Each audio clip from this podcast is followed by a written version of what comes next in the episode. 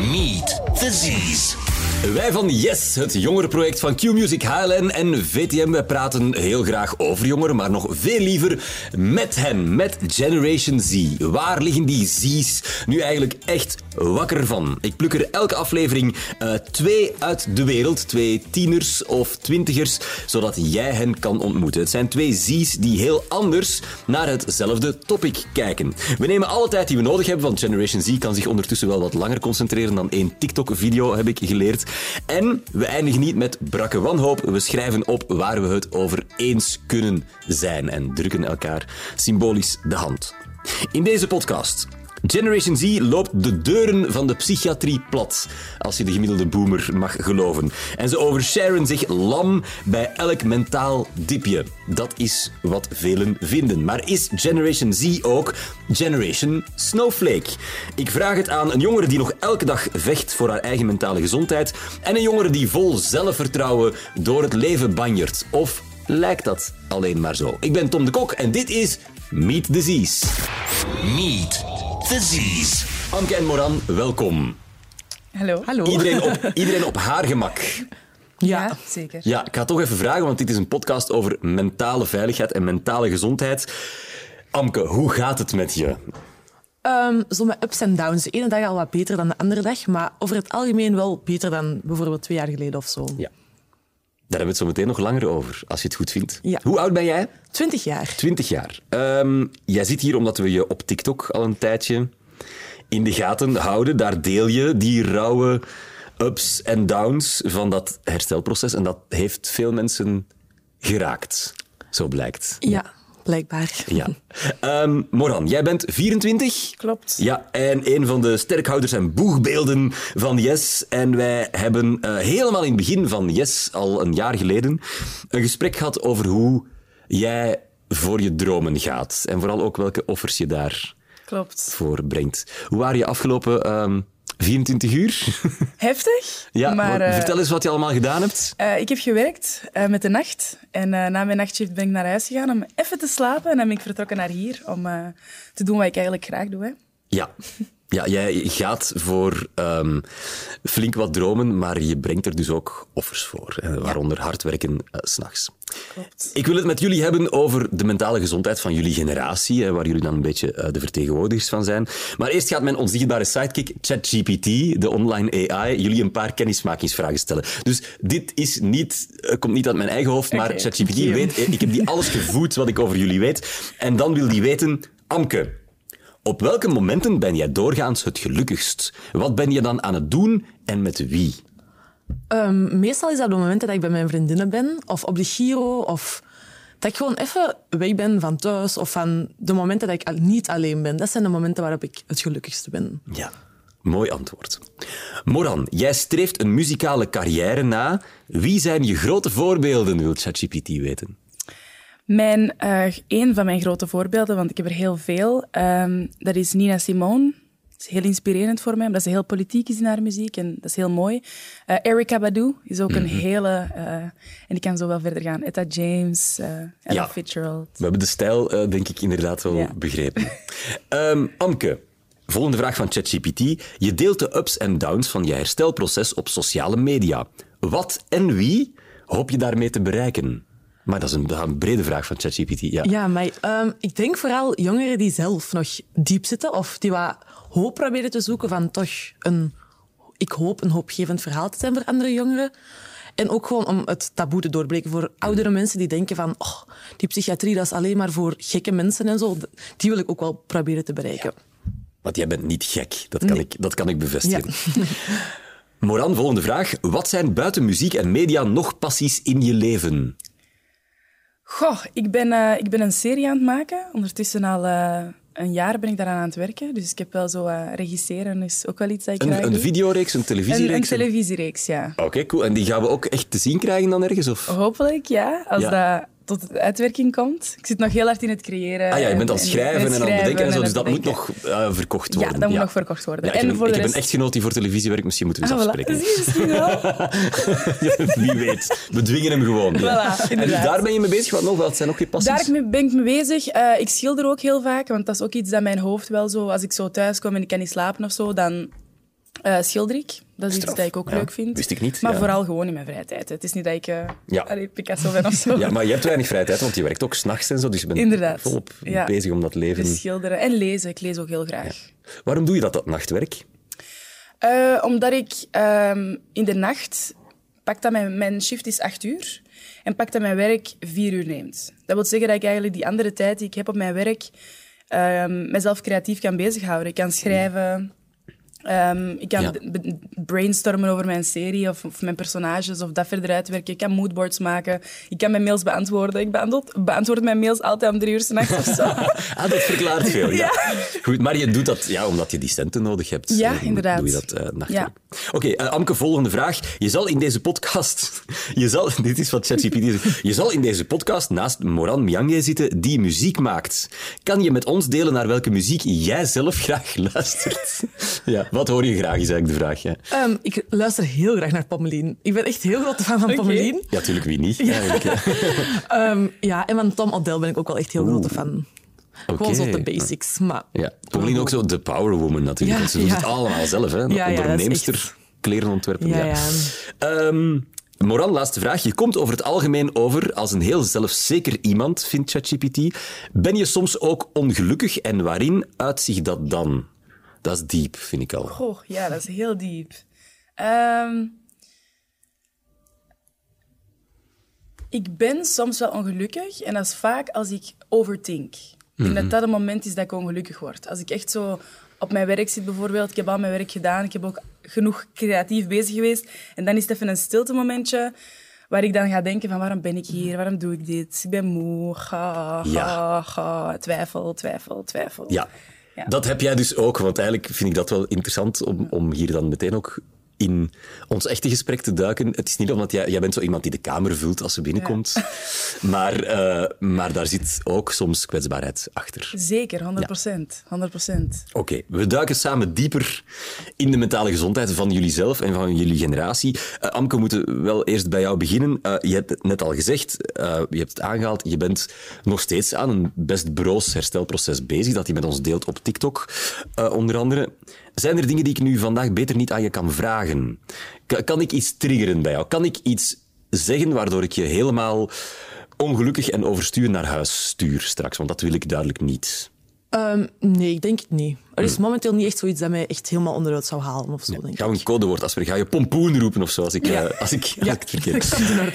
Je schrijft in een van je recente TikTok-posts... Het is 2023. Ik had nooit gedacht dat ik hier nu nog zou zijn. Ja, dat klopt, want ehm, ja, het is eigenlijk al heel, van echt af kleins af aan, dat ik het zo lastig heb met van alles. En in de coronaperiode is dat echt zo ontploft en is er allemaal uitgekomen. En toen heb ik echt gedacht van, fuck, ik ga nooit nog het volgende jaar halen. Ik, allee, überhaupt dat ik de volgende dag ging halen, wist ik, kon ik niet voorspellen. Dus ja, ik heb ook wel echt op momenten gedacht dat ik van, hier gaat het gewoon stoppen. Dus Ja. Voor we verder gaan, moet ik misschien eh, de trigger warning ook even meegeven voor deze aflevering. We gaan het over zelfdoding hebben. Of toch over ehm, de drang daartoe. Als je zelf met donkere gedachten zit, neem dan alsjeblieft iemand in vertrouwen. Eh, dat kan ook anoniem, als je niet meteen iemand hebt, op zelfmoord1813.be. Doe dat alsjeblieft. Ik zou het niet op mijn geweten willen hebben. Ehm, je komt uit een niet zo evidente thuissituatie. De details daarover die zijn privé, dat houden we zo, Amke. Ehm, eerst ging dat relatief goed, maar toen begonnen ook voor jou de problemen. Kan je ons even terug meenemen? Wa- wa- Waar is dat begonnen, dat proces? Ehm, ja, het is dus begonnen bij de scheiding van mijn ouders. Dat was zo, allee, ik was toen twaalf en dat was het. Op dat moment was dat echt zo mijn enige houvast of zo die wegviel, omdat je zo thuis, dat is toch je veilige haven of zo. Tuurlijk. Dus dan was dat er ineens niet meer. Ehm, en dan in de jaren daarna ging het zo wel op zich, safa. En dan kwam corona toen ik in het vijfde middelbaar zat. Ehm, en dan ben ik echt zo alles beginnen opkroppen. Had ik, kon ik, had ik geen contact meer met mijn vriendinnen, kon ik niet naar school gaan. Dus ik had zo niemand waar ik even mijn hart bij kon luchten. Ook de psycholoog en zo ging niet meer door toen. Ehm, dus ja, dat is echt de periode geweest dat ik zo alles van de afgelopen jaren ben beginnen overdenken. En dat het er ineens allemaal uit moest. En dan was school terug begonnen ehm, toen ik in het zesde middelbaar zat.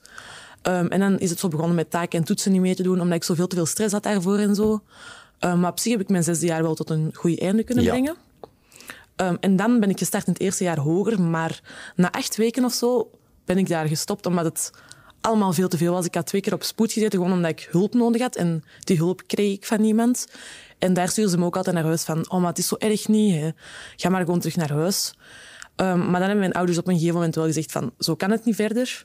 Dus Ja. dan ehm, hebben die een paasafdeling gebeld en ben ik daar in opname gegaan. De paasafdeling, dat heeft niks met chocolade-eieren te maken. Nee. Wat is een paasafdeling? Een psychiatrische afdeling van het Algemeen Ziekenhuis.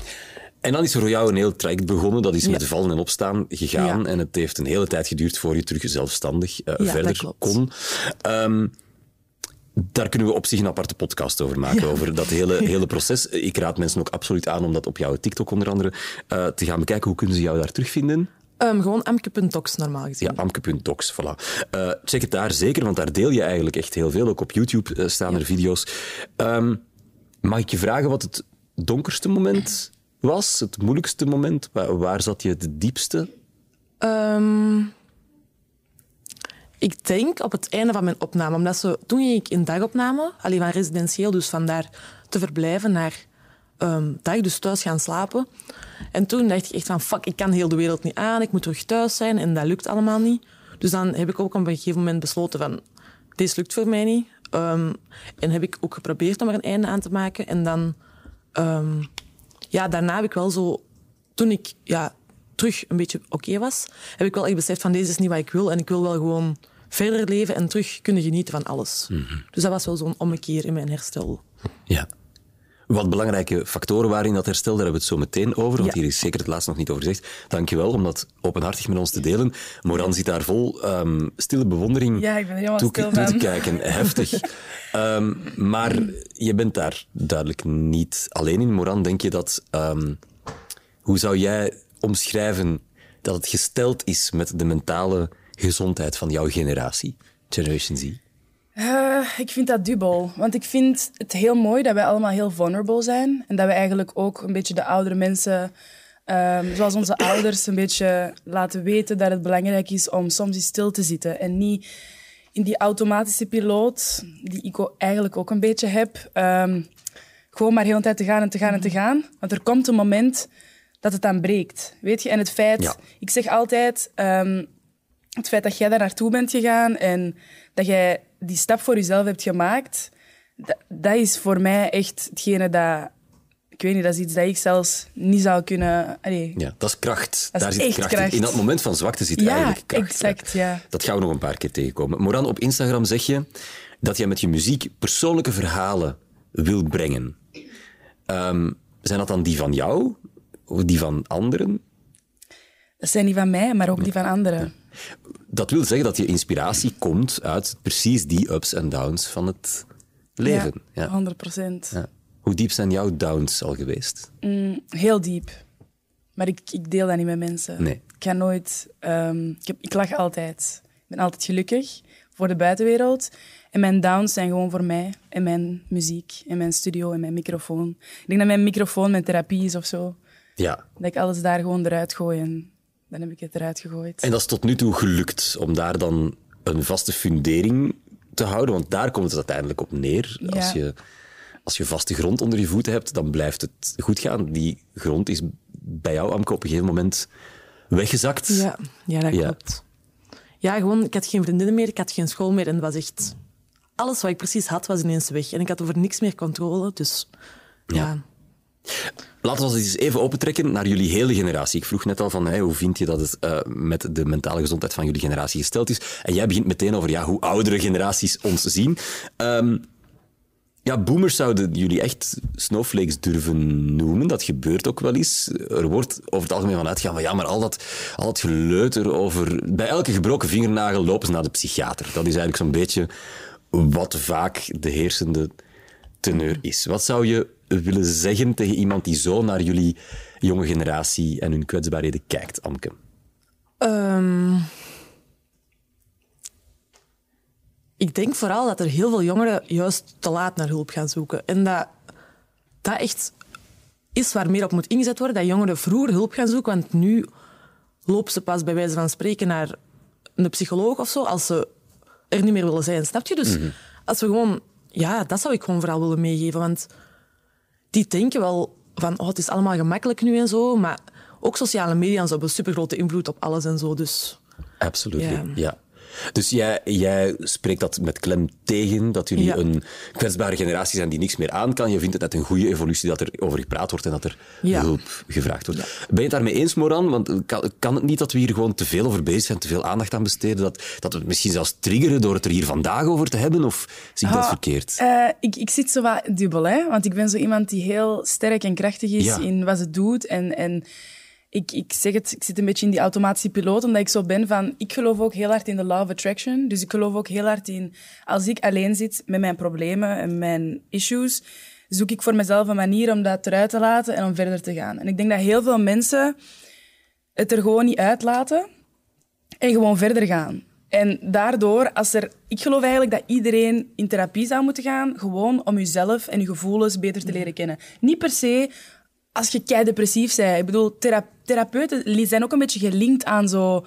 Ah, je moet daar naartoe gaan als je. Ah, ah, ik voel me echt niet goed. Nee, ga daar naartoe om jezelf beter te leren kennen. Ga daar naartoe om iemand een beetje te laten graven in u. En misschien trauma's, want dat is wat ik denk dat ik wel heb. Ik denk dat ik wel onderliggende trauma's heb meegemaakt door dingen die ik heb meegemaakt, die ik gewoon niet weet dat ik heb. En ik denk dat dat is wa- waar een therapeut goed voor is. Ja. Allee, correct me if I'm wrong. nee, nee, nee. Ik ben Ja. echt helemaal akkoord met wat je zegt. Eh, Amke haalde het al aan, bij jou heeft COVID, eh, de COVID-crisis Ja. er echt heel diep ingehakt. Dat is eigenlijk een beetje jouw grootste trigger Ja. geweest om, om, om heel dat proces in gang te zetten. Hoe is dat bij jou geweest, Moran? Hoe, hoe heb jij dat beleefd, eh, Ehm, corona? ik was heel verdrietig omdat ik niet meer naar de studio kon.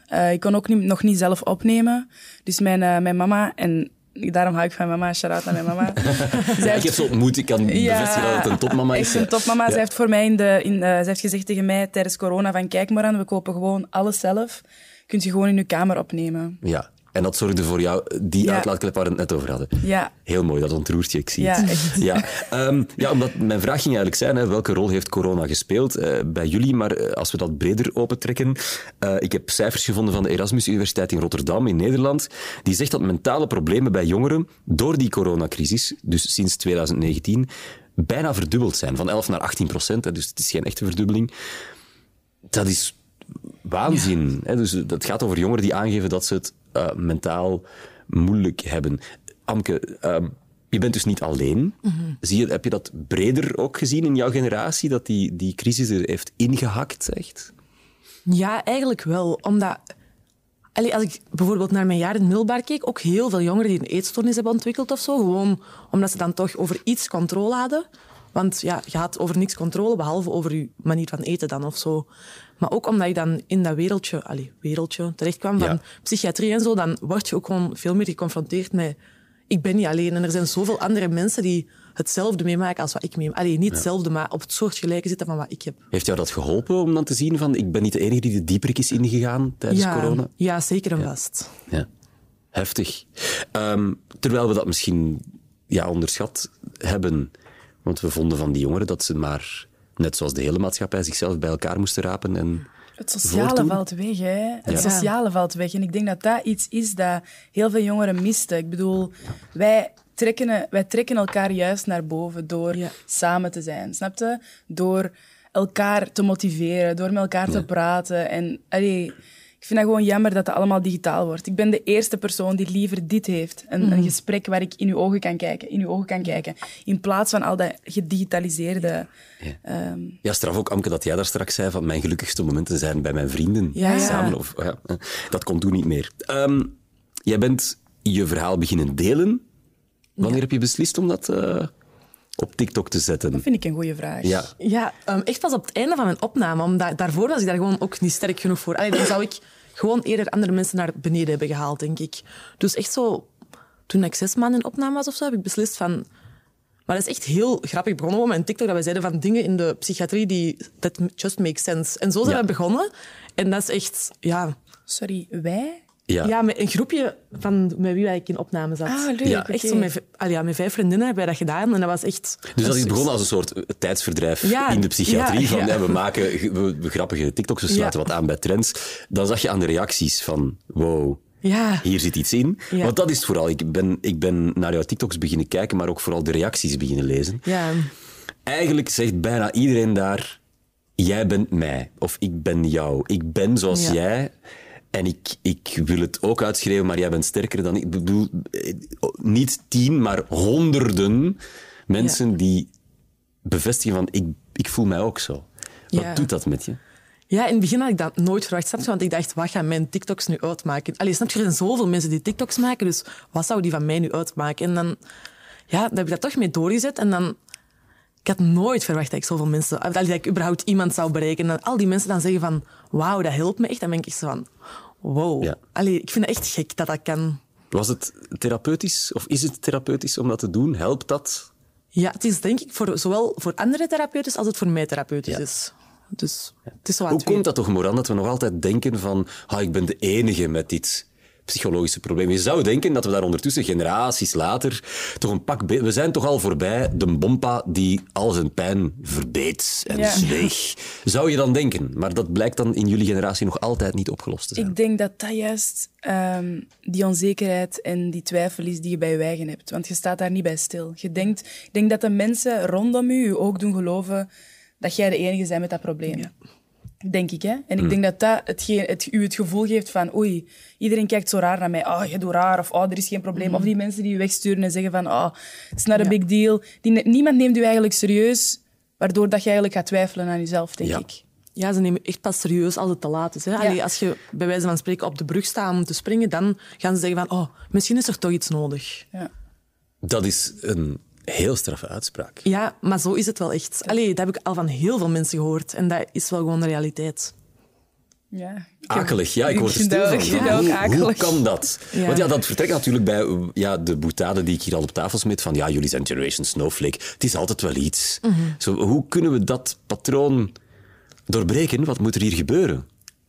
Er moet gewoon gesproken worden met elkaar. En er moet gewoon echt naar elkaar geluisterd worden. En niet elkaars problemen minimaliseren, snap je? Als jij je teen stoot aan die deur, Tom, en je hebt echt pijn, en jij jankt en je ligt op de grond, ga ik echt niet zeggen van... Oh, Tom, zeg, dat is toch maar uw teen tegen de deur. Als ik mijn teen stoot en mijn pijngrens is anders, dan is dat mijn pijngrens. Maar dat wil niet zeggen dat ik u niet kan troosten en u niet kan vasthouden en zeggen van alles komt goed, Tom. Het is maar uw teentje, we fixen dat wel, we leggen wat ijs erop en dat is in orde. Snap je? Iedereen heeft een andere pijngrens. En ik denk dat als we meer naar elkaar gaan luisteren, Ja. dat dat wel iets gaat doen. Ja, ook als je je been breekt, dan is dat direct zo van, oh, we gaan voor je zorgen. Het is, allee, je snapt, je, je ziet dat er iets is. Maar als je mentaal iets hebt, dan is het zo van, oh, maar dat is niet erg, want we zien toch niks aan u. Snap je? Ja. Dat is, waar. ja. Of het zal wel inbeelding zijn. Of je overdrijft. Ja, het zit maar in je hoofd. En dan Ja. denk ik, Is dat ja, tegen jou gezegd, dat je overdreven, dat je drama verkocht? ja, heel vaak. Ja? Ja, ook omdat, allee, mijn vriendinnen niet per se, hè, maar zo mensen van de Giro die ik zo half ken, die zeiden van, maar Amke, zo erg is het echt wel niet hoor. Wij hebben het ook soms lastig. En dan denk ik, Ja. ja, fijn, maar... allee, Terwijl je wel suicidaal was. Ja, ja. Wat, waar je niet voor kiest. Nee, Nee. nee. zeker niet. Ehm, laat ons eens specifiek even over meisjes hebben. En dat heeft een reden. Ik ga een macabre quizvraag stellen. Wie loopt het meeste kans statistisch op zelfdoding? Is dat een man van 50 of een meisje van 18? Om echt dood te gaan of om een Om het te poging? proberen, ja. Wie loopt het meeste kans, statistisch gezien? Wie doet dat het vaakste? Meisjes van 18 of mannen van 50? Een zelfmoordpoging. Dat is een keigoeie vraag. Amai. Ehm, ik denk meisjes van 18. Is dat jullie definitieve antwoord? Jullie, we zijn een Ja, ja, ja, ja, jullie zijn een team. het over het is familieraad. Ja. Oké, ja, we, we gaan voor de, Jullie gaan voor de meisjes van 18, dat is een 18. goed antwoord. Helaas, ja, laat ons het niet Ja. vieren. Nee. Ik zei, het is een macabere vraag. Ja. Ehm, meisjes van 18, zelfmoordpogingen komen het vaakst voor bij 15 tot 24-jarigen. Amai. Wauw. Ja. En in die leeftijdsgroep lopen meisjes dubbel zoveel risico als jongens. Letterlijk dubbel. Die grafiek is echt zo. Ik heb hem van, vandaag nog bekeken. Dat is echt akelig om te zien. Hoe zou dat komen? Hoe verklaar je dat? Wat is het probleem met die meisjes, Amke? Ehm, Dat zijn meisjes, Oei. meisjes aan het begin van hun puberteit, hè, 16 jaar. Er gebeurt iets met die meisjes. Hoe komt het dat zij zo vatbaar zijn voor de diepste duisternis van mentale problemen? Ik denk dat er gewoon heel veel verwacht wordt van die moment op, van meisjes. Want jongens zijn zo van... Allee, dat, dat zijn toch altijd zo van... Oh, maar die mogen nog kind zijn, want dat zijn, maar, dat zijn jongens, hè, die staan twee jaar achter of zo. Allee, zo zijn ze dat in ons middelbaar toch. En bij meisjes is dat zo van... Ja, maar allee, je krijgt zo je regels, je moet alles zo wat zelf beginnen doen. En ik denk dat misschien vooral... Ja. Ik heb er niet zo'n goed antwoord op eigenlijk. Nee, nee, maar het is een, het is een open vraag. Ja. Ik heb ook geen antwoord. En die statistieken bieden ook niet meteen een antwoord. Wat denk jij, Moran? Waarom hebben tienermeisjes het mentaal zo zwaar? Veel zwaarder dan jongens. En veel zwaarder dan oudere mensen. Mm, ik denk dat dat ook heel veel met onze hormonen te maken heeft. Omdat we door heel veel gaan tussen die periode. Maar ik denk, en ik blijf het zeggen, en dat is misschien iets algemeen, maar sociale media. Ja. Want heel veel dat bodyshaming en al dat je perfecte lichaam en, en perfect gezicht en everyone looks perfect en social media en oh my god, volgers. En ik denk dat vrouwen daar iets meer mee bezig zijn, eh, ook in het algemeen, dan mannen. Eh, Mannen die gaan wat flexen. "Uh, ik ben uh, gespierd. uh." Ja. En weet je, die, die, zijn, die zijn iets meer op zo I don't care who watches. Terwijl vrouwen zijn zo, wij posten en we gaan direct kijken wie dat er begint te liken. En zo. Weet je wel? En ik denk dat dat heel veel doet met onze self-esteem. Dat judgen van anderen, Ja. daar komt Ja. het dan uiteindelijk op neer. Of het dan Ja. Ja. in real life of, of sociale media is. Ja, sociale media, eh, daar, daar eh, konden we een hele aparte podcast over maken. Ja. Over de gevolgen daarvan. Mijn eigen grootste angst is, ja, ik heb een dochter van negen. Mijn eigen grootste angst is dat die straks op sociale media komt en daar allerlei complexen en demonen eh, aan overhoudt. Het gebeurt. Heeft dat bij jou een rol gespeeld, Amke? Die Ehm. sociale media in jouw diepste duisternis? Ja, als ik daar nu op terugkijk, toen keek ik echt heel triggerende video's en vond ik daar, haalde ik daar voldoening uit. Snap je? Omdat die mij nog slechter deden voelen. En dan was ik zo van... Oh, In welke zin triggerend? Ja, als je zo bijvoorbeeld ja, over zelfverwonding of zo, dat mensen daar een video over maken en dat je dacht van... Ik weet niet, dan had ik het gevoel dat ik dat zelf ook mocht doen. Snap je? Dan, dat gaf mij die bevestiging of zo. Ja. Die bestaan, video's over, eh, positieve video's over zelfverwonding, waarbij meisjes elkaar aanzetten om dat te doen. Ja, Echt? ja. Ja. En ook zo, ik was in de week was ik op Instagram aan het scrollen en er was, had zo iemand mij een vervolgverzoek gestuurd van zo'n privé-account over mentale gezondheid. En dat was echt zo'n account met super triggerende foto's en zo. En ik was, allee, ik was het dan gaan volgen en ik dacht echt, mannen, als je dat ziet, als je net in het begin van je herstel staat, dan ga je gewoon keihard achteruit. Allee, Ja. En ik zou je voor minder nog slechter doen voelen of zo. Dat is een heel rechtstreekse manier van sociale Ja. media om je eh, in die krochten van de psychiatrie eh, binnen te, Ja. te sleuren. Moeten we daar dan... Ja, hoe kan, hoe kan ik voorkomen dat mijn dochter dat te zien krijgt? Wat moet ik doen? Ik ben doodsbang. Ik ook. Ja, ik heb echt geen idee. Want ik ben niet op zo'n niet op zo'n Instagram-account gebotst, alle geluk. Want, snap je, er zijn echt mensen die hun wonden stonen of echt op hun allermagerst in de spiegel. En dan denk ik... Ja, I- Is veel van dat soort gedrag dan kopieergedrag? Een meisje van 16 ziet een ander meisje met een eetstoornis en denkt... Kan ik ook? Werkt het zo? ik denk vooral dat het... Als je denkt van, ik moet afvallen, en je ziet die, en je ziet dat die magerder is als u, dat je denkt van, ik moet magerder zijn als die persoon. Je projecteert je onzekerheden sowieso. Ja. Hè? Dus als, als je iets ziet dat u, een van je onzekerheden triggert, dan gaat je denken van... Oei, Ja. moet ik misschien ook niet? En je komt in die spiraal terecht, want Ja. het Ja. gaat altijd neerwaarts Ja, ja. en het algoritme duwt je steeds dieper Ja, ja, de put ja. in. Want ja, wat je opzoekt, krijg je nog meer te zien. Dat weten we allemaal. Kunnen we daar iets aan doen? Moeten we meisjes op die leeftijd misschien... Ja, die statistieken zijn duidelijk. Moeten we die meisjes nog specifieker helpen? En hoe dan? Wat, wat wil jullie generatie dan? Ik denk dat het ehm, veel meer te maken heeft als we gaan inzetten op onze computer. Want ik geloof dat heel veel in de wereld is, is, is, is eh, gecontroleerd. Ik zeg maar ons computer. Ik zeg altijd Ja, je wijst tegen naar mijn je kleine... hoofd voor, mijn voor de hoofdje, luisteraar. ja. Sorry. Dus je bedoelt echt je menselijke je brains. uw ja. brein is eigenlijk het enige dat je echt nog van jezelf hebt. Ja. En waar dat je eigenlijk echt met jezelf in gesprek kunt gaan zonder dat er iemand eh, in, allee, er binnenkomt of zo. Ja. Dus ik denk dat als we gewoon echt inzetten, ik probeer dat echt te doen bij mijn... Ik heb het is nu een broertje, maar mijn kleine broertje. Mentaal hem gewoon iets sterker te maken. Als in een beetje een dikkere huid creëren, snap je? Wat niet wil zeggen dat je dingen moet gaan opkroppen, maar wat wel wil zeggen dat je, als je dingen ziet op social media, je weet wat je consumeert. Je kiest wat je consumeert. Wij kunnen kiezen wat we, allee, wat we consumeren op, op, op, op eh, social media. Wij volgen wat we willen. Jij maakt mij onzeker, ik ontvolg u. Jij, ik heb niks... Allee, ik voel Ja. niet dat ik er iets En uithaal. dat begint bij fundering, bij Ja. empowerment al in de kindertijd. Ja. Ja, eigenlijk een, ja, nee, een beetje gewoon qua social media. Denk ik dat je als kind gewoon en als ouder, hè, voor, voor je dochter bijvoorbeeld. Mijn broer is tien jaar hè, en die zit ook op, op, op, allee, wat- op, wat zit die? op zijn iPad. Nog niet op eh, Instagram en al Nee. die toestanden, maar wel op TikTok soms aan het scrollen. En oké, zijn algoritme is helemaal op zijn grappige video's afgesteld, maar soms komt daar iets tussen dat we dan denken van, allee, Ja. waarom komt dat in uw algoritme? En dan is het aan u of hem om te zeggen van, Ligt daar toch ook niet de verantwoordelijkheid bij gewoon echt wetgevers en bedrijven als Meta en, en Consort en Google? Moeten, we niet, Ja. moeten die niet gewoon echt nog veel meer moeite doen om, om onze meisjes en bij eh, uitbreiding ook jongens voor dat soort shit te behoeden? Dat kan toch gewoon niet? maar dat, is een ver van staat? bed show, hè? Dat is- Ja, maar op TikTok is er wel, ehm, als je video's maakt van je wondens of zo, worden die wel automatisch verwijderd. Of over zelfmoord of over dat je Ja. echt in een ziekenhuis ligt op je allerslechtst of zo, die worden wel gewoon verwijderd. Maar allee, ja, ze komen er niet allemaal. Allee, er zijn er nog wel gewoon superveel die circuleren en zo. Ik vind dat dubbel, want dat is wel gewoon de realiteit ergens ook. Ja. Allee, Ja. denk ik dan. Blijft moeilijk. Waar trek je de lijn? Ehm, ik heb al onlangs heb ik een waar gebeurd boek gelezen over een, een meisje met eetstoornissen. eh, die op een afdeling vol meisjes met eetstoornissen terechtkwam. Die elkaar aanstaken om nog minder te eten. Jij hebt, dat weet ik, vrienden, vriendinnen gemaakt Ja. in je therapie. Ja. En jullie hebben elkaar wel vooruit geholpen, of niet? Ja.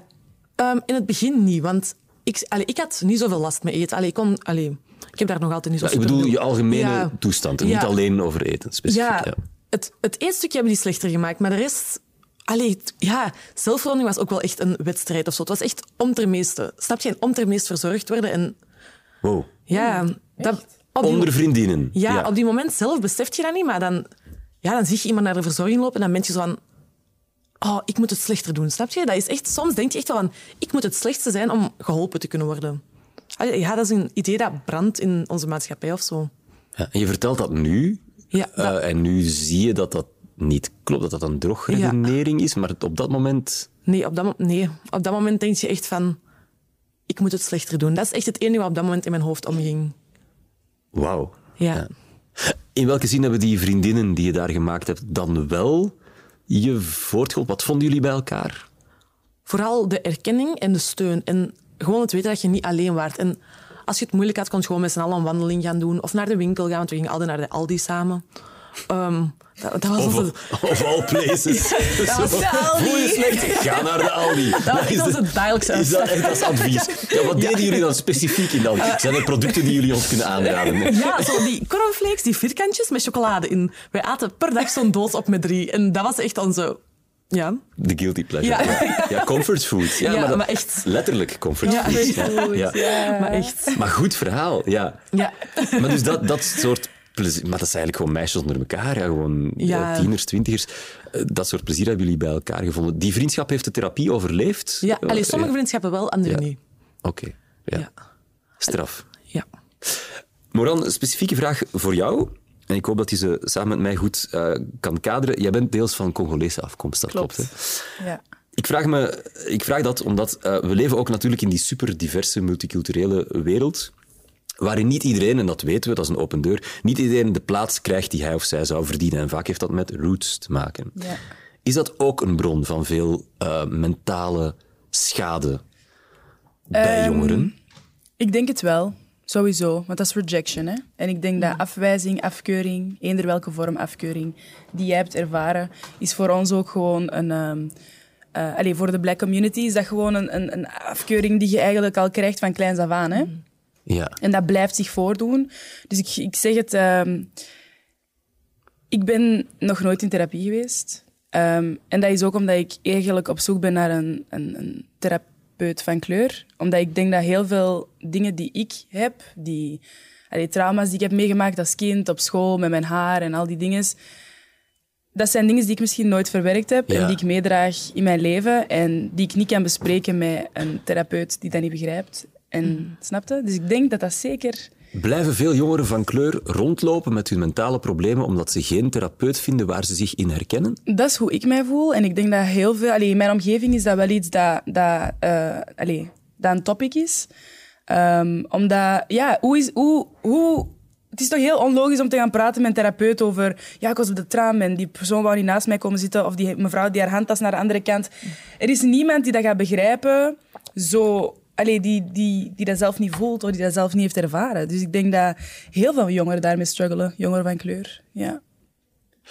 Amke, eh, we hebben het nu al heel veel gehad over hoe die dingen dan zo zich ontwikkelen in de kindertijd. Ik weet, we gaan niet in het verhaal van jouw gezin eh, duiken. Maar kan je ze vertellen ehm, of er een punt geweest is dat iemand je heel veel leed had kunnen voorkomen in al die jaren therapie? Had het ergens anders moeten gaan voor jou? Was er een andere weg geweest voor jou als iemand vroeger had ingegrepen, beter had geluisterd, als er bepaalde systemen hadden bestaan? Moet er iets veranderen? Ja, ik vind van wel. Ik vind dat er een... Ja, nu bestaan er over kophuizen en ik vind dat echt iets supergoed, maar ik vind dat er ook zo meer toegankelijke, toegankelijke hulp moet zijn voor kinderen van de lagere school. Want je gaat niet in je eentje fietsen naar, de, naar, ik weet niet waar, naar Antwerpen of zo, om daar naar een overkophuis te stappen. Omdat, ja, dat mocht je ook überhaupt niet als je acht jaar bent of zo. Maar ja, gewoon zoiets op lagere school van... Ik weet dat niet, een wekelijks gesprekje in de klas of zo. Of Ja. Had je er op die leeftijd al behoefte aan? Aan, aan een vorm van ja, therapie is dat dan eigenlijk? Ja. Een milde vorm van therapie. Ja. Ja, of gewoon zo therapie in beweging of zo. Gewoon zo dat je toch op een manier je gevoelens kwijt kunt. Want thuis heb ik bijvoorbeeld helemaal niet geleerd om daarover te praten. En dan had ik dat misschien zo toch op een manier kunnen leren of zo. Ja. Ik ga de vraag eh, omdraaien. Je hebt een heel traject afgelegd. Wat vond jij de beste hulp die jij ooit gekregen hebt? Welk advies werkt echt? Ehm.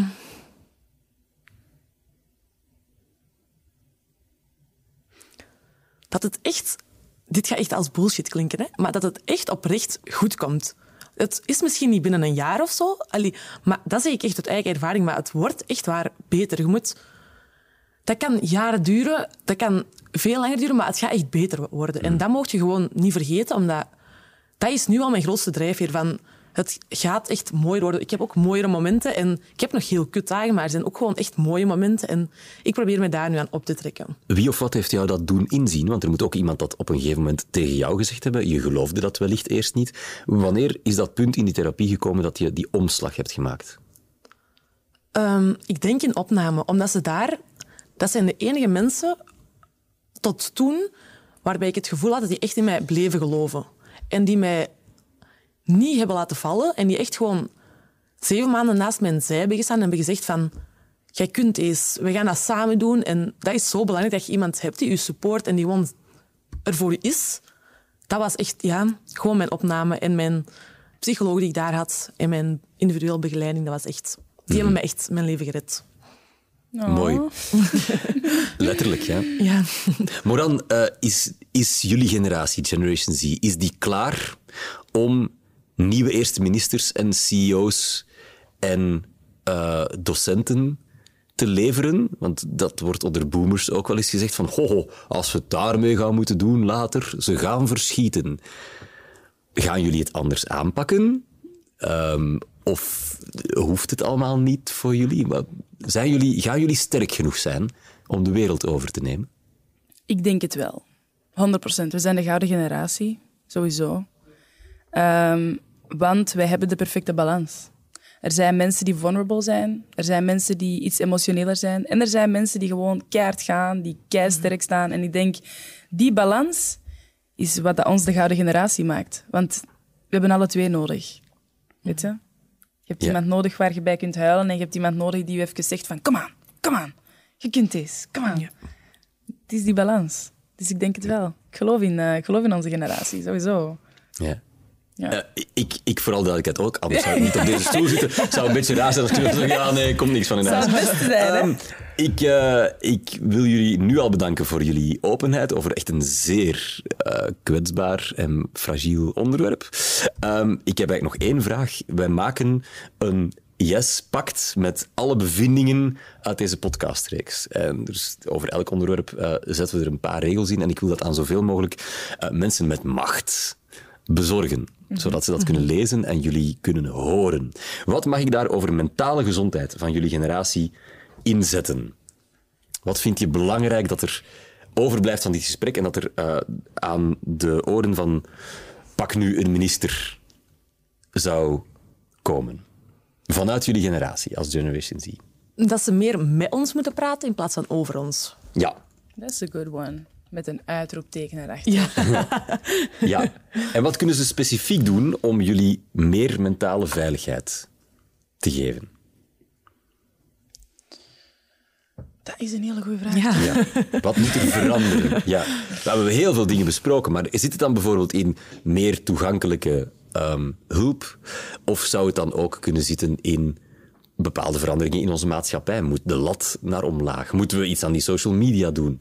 Moet de rat race trager? Moet... Enfin, ik, ik ga het zelf niet dicteren, maar ik ga, ik ga typen wat jullie zeggen. Ehm, Je mag rustig nadenken. Het is ja, slow radio. even goed nadenken. Ja. Want Ik is- zou het sowieso betaalbaarder maken. Want het nu is nu, als je het zelf moet betalen, zo ontzettend duur. En daardoor haak ik ook al zo gewoon superveel jongeren en kinderen af. Ja. Dus therapie betaalbaarder en toegankelijker, zal ik er ook bij Ja. schrijven. Ja. Ook op jonge leeftijd. Ja. Ja. En moeten we maatschappelijk iets, nog een verandering in gang zetten of zo? Moeten we, moeten we proberen om mensen anders te doen kijken naar ik zou zeggen van- problemen? tegen die ministers ook van, wees eens niet bang om zelf eens te gaan praten met iemand. Mhm. Niet per se to- omdat je een probleem hebt, maar gewoon wat we zeiden van, om jezelf beter te leren kennen en je gevoelens. Echt, dat vind ik een goeie om op te eindigen. Mag ik schrijven? Ook de eerste minister Ja, moet af en toe naar de psycholoog. 100 procent. Ja. Dat vind ik een hele mooie om op af te ronden. Echt waar. Merci, merci, merci. We gaan, we gaan dat ook doorgeven. Ehm Moran en Amke, merci. Ik herhaal heel graag nog even dat in deze aflevering behoorlijk heftige gespreksonderwerpen zaten die triggerend konden zijn voor jou. Als je zelf met donkere gedachten zit, neem dan alsjeblieft iemand in vertrouwen. Dat kan iemand uit je omgeving zijn, eh, maar het kan ook anoniem. Zelfmoord 13, eh, 1813 liever. Zelfmoord 1813.be of bel 1813. En weet alsjeblieft dat je niet alleen staat. Doe het en doe het liever nu al. Stel het niet uit.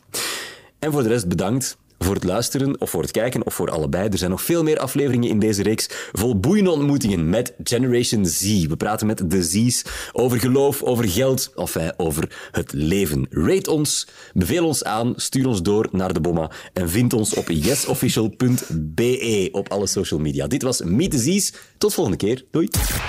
Meet the Z's.